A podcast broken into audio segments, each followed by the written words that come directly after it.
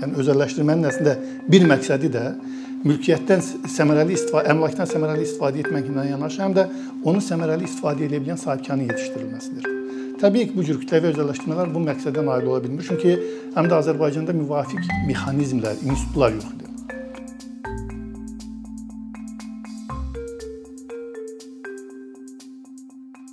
Ümumiyyətlə son vaxtlar dövlət müəssisələrinin idarə olunması, təkmilləşdirilməsi ilə bağlı özəlləşdirmə məsələsi yenidən gündəmə gəlib. E, bilirik ki, Azərbaycan müstəqilliyi bərpa edəndən sonra bu prosesə qoşuldu.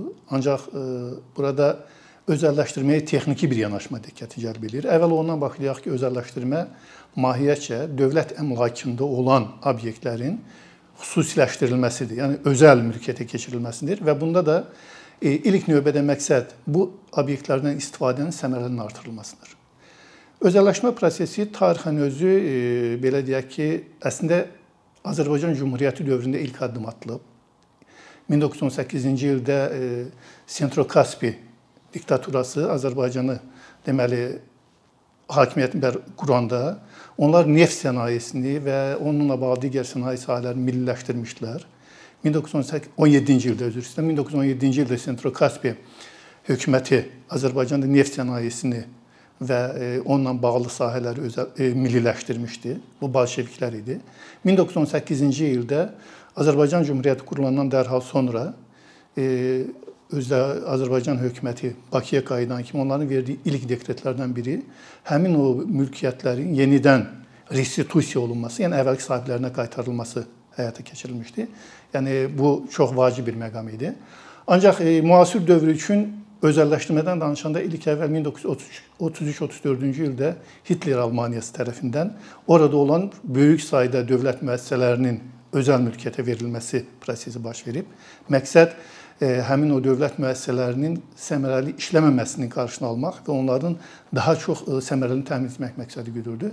Və nəhayət növbəti böyük addım 1980-ci illərdə başladı. Bu Margaret Thatcher və Reagan dövrünün məhsuludur və Thatcherizm və yaxud Reaganomika kimi tanınır. Söhbət e, kommunal sektorda olan iri dövlət müəssisələrinin özəl sektora təqdim olunması və özəl sektorda olan o menecment qaydalarının həmin müəssisələrə tətbiqi yolu ilə orada səmərəlinin təmin edilməsi olub. Çox böyük uğur qazanıb. Ancaq o uğurun səbəbi ondan ibarət idi ki, bilirik ki, həmin ölkələr kapitalist ölkələr idi, böyük kapitala sahib müəssisələr var idi, sahibkarlar var idi və e, dövlət asanlıqla həmin müəssisələri səhmləşdirməklə, müxtəlif səhmdarlara satmaqla orada idarə etməni təkmilləşdirmək, xüsusilə korporativ idarə etməni təmin etmək iqtidarında olublar. Ancaq e, Azərbaycanda və post sosialist ölkələrində bir qədər fərqli bir təcrübə var. Çünki bilirik ki, məsələn, Azərbaycan müstəqilliyini bərpa edəndə SSR-dən ayrılmış bir ölkə və demək olar bütün mülkiyyət dövlətə məxsusdur. Hətta təsəvvür edin ki, yaşadığı insanların yaşadıkları mənzillər belə dövlət mülkiyyəti idi, insanların mülkiyyəti deyildi. Və bu dövrdə həm mülkiyyət çoxnövçülüyünü təmin etmək, həm də doğrudan da o vaxtı e, artıq tədqiqatlar göstərirdi ki, dövlət mülkiyyəti əslində heç kimin mülkiyyətidir. Hamı oğurlamağa meyllidir. Və ona görə də bir kütləvi özəlləşmə prosesi başladı. Və bu kütləvi özəlləşmə prosesi məsələn mənzillərin sahiblərinə pulsuz verilməsi prosesi getdi. Torpaqların özəlləşdirilməsi getdi. Yəni bu xüsusi olaraq qeyd edilək, çünki torpaq heç də bütün ölkələrdə özəlləşdirilmirdi. Azərbaycanda özəl mülkiyyətə verildi. Təbii bunun da bir xeyli belə deyək ki, e, mübahisəli məqamlar burada mövcuddur. Nə qədər torpağın verilməsi, nə qədər dövlət mülkiyyətində qalması və bu gün hətta həmin o dövlət mülkiyyətində qalan torpaqların necə istifadə olunması məsələsi çox əhəmilidir. Və e, buradan əslində həmin o postsosialist ölkələrində həyata keçirilən bir özəlləşmə prosesindən e, kütləvi özəlləşdirmə deyilən bir element meydana çıxmışdı. Onun da səbəbi ondan ibarət idi ki, SSR dövrü, ümumiyyətlə sosialist ölkələrində mülkiyyət ümum xalq mülkiyyət sayılırdı və hər kəsin o mülkiyyətdən payı olmasına iddia olunurdu. Və ona görə də e, belə deyək, bazar iqtisadiyyatına keçid elan olunanda bu mülkiyyətin özəlləşdirilməsi meydana çıxanda, e, özəlləşdirmə məsələsi meydana çıxanda e, haqlı olaraq belə bir sual meydana çıxdı. Əgər bu mülkiyyətdə ümumxalq mülkiyyətidirsə, hər kəsin ondan pay almaq hüququ var. Və hər kəsin pay almaq hüququ, yəni o sosial ədalət təmin etmə baxımından bunun necə həyata keçirilməsi məsələsi gündəmə gəldi. E, məsələn, Avropanın postsosialist ölkələrində, Polşa, Çexiya və digərlərində e, restitusiya prosesi həyata keçirildi. Yəni orada sosializm qurulan dövrdə kimlərdəsə özəl mülkiyyət olub, o milliləşdirilmişdisə, onların sahibləri tapıldı və əsasən həmin mülkiyyət öz sahiblərinə qaytarıldı. Ancaq Azərbaycan və e, Sovetdən ayrılan ölkələrdə xüsusilə demək olar bu proses ümumiyyətlə diqqətə gəlmədi. Çünki görünür o vaxtı müvafiq mülkiyyət sənədləri də qalmamışdı. Yəni bu başqa bir müzakirə mövzusudur. Və ona görə də e, belə deyək ki, kütləvi özəlləşmə prosesinə start verildi və bu zaman təbii ki, həmin o özəlləşdirmənin ən çox tətbiq olunan səhmləşdirmə üsulu burada tətbiq edilməyə başladı. Ancaq səhmləşdirmənin mahiyyəti yalnız özəlləşdirmə üçün istifadə olunma deyil. Əslində səhmdar cəmiyyətlərin yaranması e, iqtisad elmində mühüm hadisələrdən biri hesab olunur. Çünki bu e, müəssisələrin yaranmasının yeni bir forması idi. Burada xüsusilə böyük həcmdə kapital tələb edən, nizamnamə kapital tələb edən müəssisələrin yaranmasında bir e, çox sayda insanların kapitalının bir yerdə birləşdirilməsi və onun yeni korporativ idarə etmə üsulu əsasında idarə etmə meydana gəlirdi. Çünki e, bu cür idarə etmələrdə adətən bu cür sahələrdə prinsipal agent problemi yaranır. Onun qarşısını almağın yolu da məhz şəffaflığın, hesabatlığın artırılması, korporativ idarə etmənin tətbiqi və sair kimi məsələlərdir. Ancaq Azərbaycanda bu özəlləşdirmə, belə deyək, səhmləşdirmə daha çox sanki əhalinin daha çox təbəqələrin bundan faydalanması üçün tətbiq olunurdu. Çek özəlləşdirilməsi üsulu burada əsas seçildi və e, əhalinin sayına uyğun olaraq çeklər buraxıldı. O vaxt 32 milyon. Bir şey bir özəlləşmə payı 4 çekdən ibarət idi və bundan e, belə deyək, onlar həm səhmləşdirmədə, həm e, belə deyək, digər müəssisələrin, kiçik müəssisələrin özəlləşdirməsində istifadə olunurdu. Yəni sanki hər kəsə bir şərait yaradılır ki, o mülkiyyətdən pay alsın. Ancaq bu sahibkarlığın yetişdirilməsi deyil. Yəni özəlləşdirmənin əslində bir məqsədi də mülkiyyətdən səmərəli istifadə, əmlakdan səmərəli istifadə etməklə yanaşı, həm də onu səmərəli istifadə edə bilən sahibkarın yetişdirilməsidir. Təbii ki, bu cür kütləvi özəlləşdirmələr bu məqsədə nail ola bilmir. Çünki həm də Azərbaycanda müvafiq mexanizmlər, institutlar yox idi. Və e, ona görə də Azərbaycanda bu gün yaranan səhmdar cəmiyyətlərində hələ də E, xırda səhmdarların hüquqlarının müdafiəsi problemi var. Hətta iri səhmdarlar özləri də onu belə deyək, özünü səhmdar kimi deyil, daha çox belə deyək də e, adi müəssisələrdə onu mülkiyyətçi kimi aparırlar. Hər şey öz istədikləri kimi həll edirlər. Yəni bu problem Azərbaycanda səhmdar cəmiyyətinin idarə edilməsində durur. Ancaq e, əgər söhbət özəlləşdirmədən gedirsə, bu təbii ki, dövlət əmlakında olan, dövlət mülkiyyətində olan müəyyən əmlakın daha səmərəli istifadə etməklə cəmiyyətin ondan faydalanması məsələsi gündəmdədir. Bunun ən yaxşı üsulu investisiya müsabiqələridir. Xüsusilə e, ictimai əhəmiyyəti böyük olan obyektlərin, çox işçiləri olan obyektlərin bu cür investisiya müsabiqələri yolu ilə artıq bu sahədə təcrübəsi olan, həm yerli və yaxud xaricdən e, belə deyək ki, sahibkarların cəlb olunması, investorların cəlb olunması və onlar e, bu müəssisələri yenidən canlandıraraq cəmiyyətə fayda verməsi burada məqsəd kimi qoyulur. Yəni bu cür özəlləşdirmədə dövlət həmin obyektin özəlləşdirmədən maliyyə əldə etmək, dövlət büdcəsinə vəsait əldə etmək məqsədi güdülür. Əksinə bizdə ümumiyyətlə Azərbaycanda bu məqsəd güdülmədi və bir çox hallarda Azərbaycandakı özəlləşdirmə prosesi e, hətta belə deyək, Azərbaycanda elə güclü obyektlər satıldı ki, məsələn, e, vaxtı ilə Beynəlxalq Bankın səhmlərinin bir hissəsi satılmışdı, yarısına qədəri.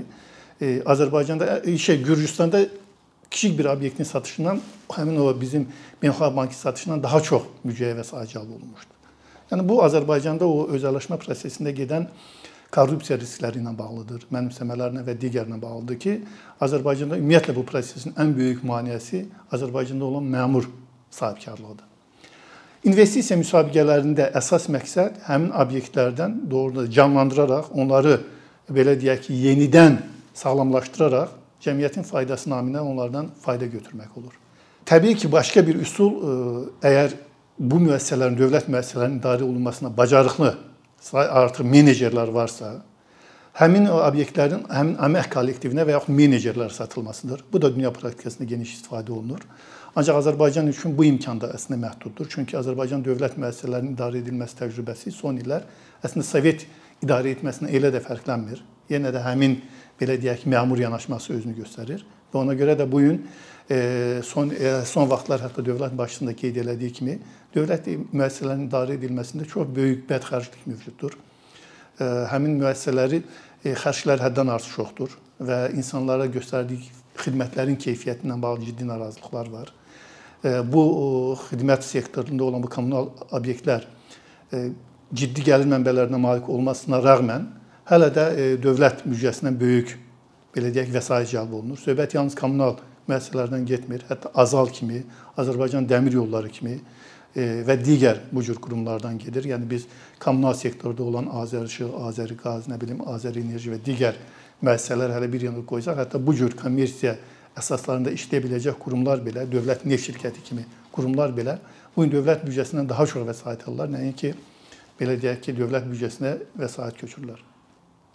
İndi e, bax bu problem indi gündəmə gəlib ki, bu cür dövlət müəssisələrinin idarə olunmasını necə təkmilləşdirmək olar və nə dərəcədə bu müəssisələrin özəlləşdirilməsi mümkündür.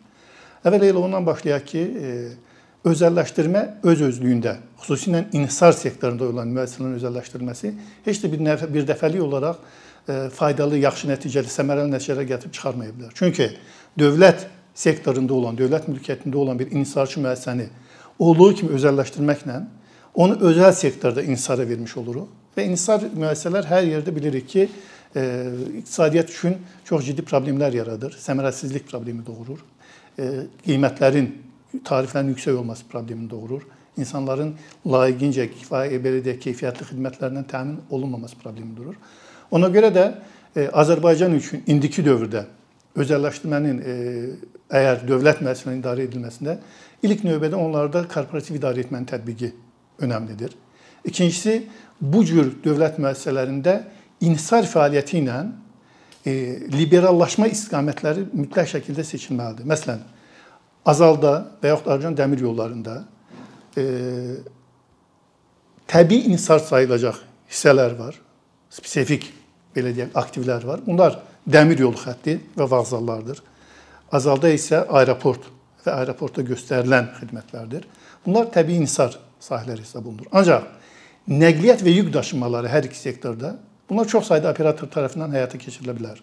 Deməli biz təbii inhisar sahəsi ilə həmin o liberallaşdırıla bilən sahəni e, bir-birindən ayırmalıyıq.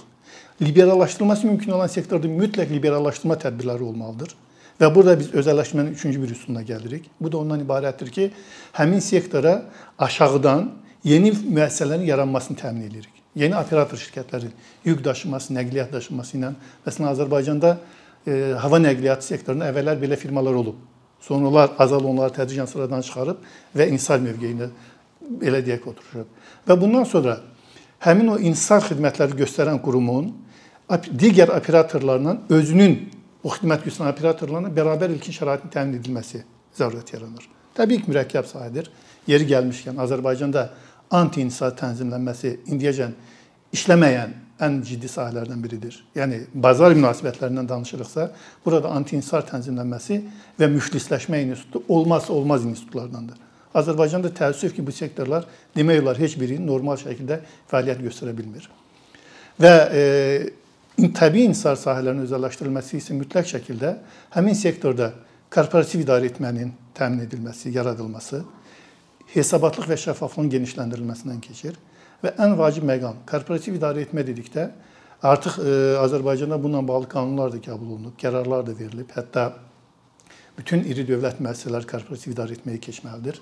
Və orada da bir mənalı olaraq göstərilib ki, şərtlərdən biri ondan ibarət o həmin korporativ idarə etmə, həmin müəssisələrdə korporativ idarə etmə yaradılarkən müşahidə şuralarının tərkibində yarıdan çoxu müstəqil şəxslər olmalıdır. Yəni artıq e, dövlət təmsilçiləri deyil, məmur deyil, müstəqil sahibkarlar və ya müstəqil menecerlər olmalıdır. Onlar bu sahəni bilən insanlar olmalıdır. Və e, əgər bu təbii bunu yaratmaq o qədər də asan məsələ deyil. Ona görə ki, Azərbaycan özünün təcrübəsində bu cür bacarıqlı menecerlərin çox olduğunu deyə bilmərik. Hətta ümumiyyətlə varmı sual meydana çıxır. Ona görə də mütləq şəkildə bu sektorun uzunmüddətli idarə etməyə verilməsi məsələsi var. Əslində qalsa 1995-ci 95-ci illərdə belə bir məsələ meydana gəlmişdi. 96-cı ildə hətta Azərişığın Barmekin uzunmüddətli idarə etməsinə verilmiş verilməsinə bağlı qərar verilmişdi 25 illik müddətinə.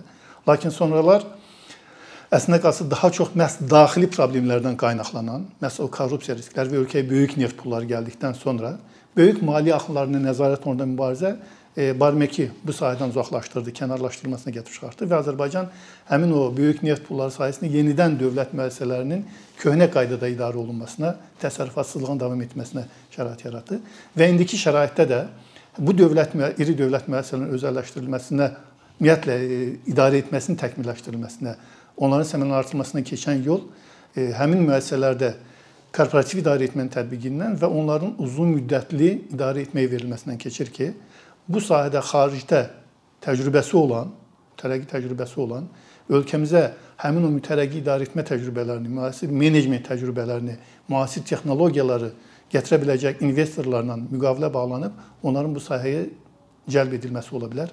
Məhz bu artıq belə deyək Azərbaycanda özəlləşdirmənin yeni bir mərhələyə qədəm qoyduğunu söyləyə bilərik. Əks təqdirdə son illər e, biz yenə nəyin şahidi oluruq? Azərbaycanda privatization.az adlı bir sayt var. Orada özəlləşməyə çıxarılan müəssisələrin siyahısı verilir. İnvestisiya müsabiqələrinə çıxarılan müəssisələr də var. Ancaq şərtlər, məsələn, həmin o müəssisələrin illərlə yığılmış borcların investor tərəfindən ödənilməsi şərti təbii ki, heç bir xarici investor üçün onu cəlb edici eləmir. Azərbaycandakı mövcud investisiya mühiti xarici investorlar üçün bu özəlləşmədə iştirakı sərfəli eləmir. Bu halda da e, məmurlar danışıb hardansa məsələn e, belə deyək ki, Səudiyyə Ərəbistanından və ya Çindən hansısa pullu biznesmenləri, pul sahiblərini bura gətirməsi heç də həmin əmlakın daha səmərəli istifadə olunmasına xidmət eləməyəcək.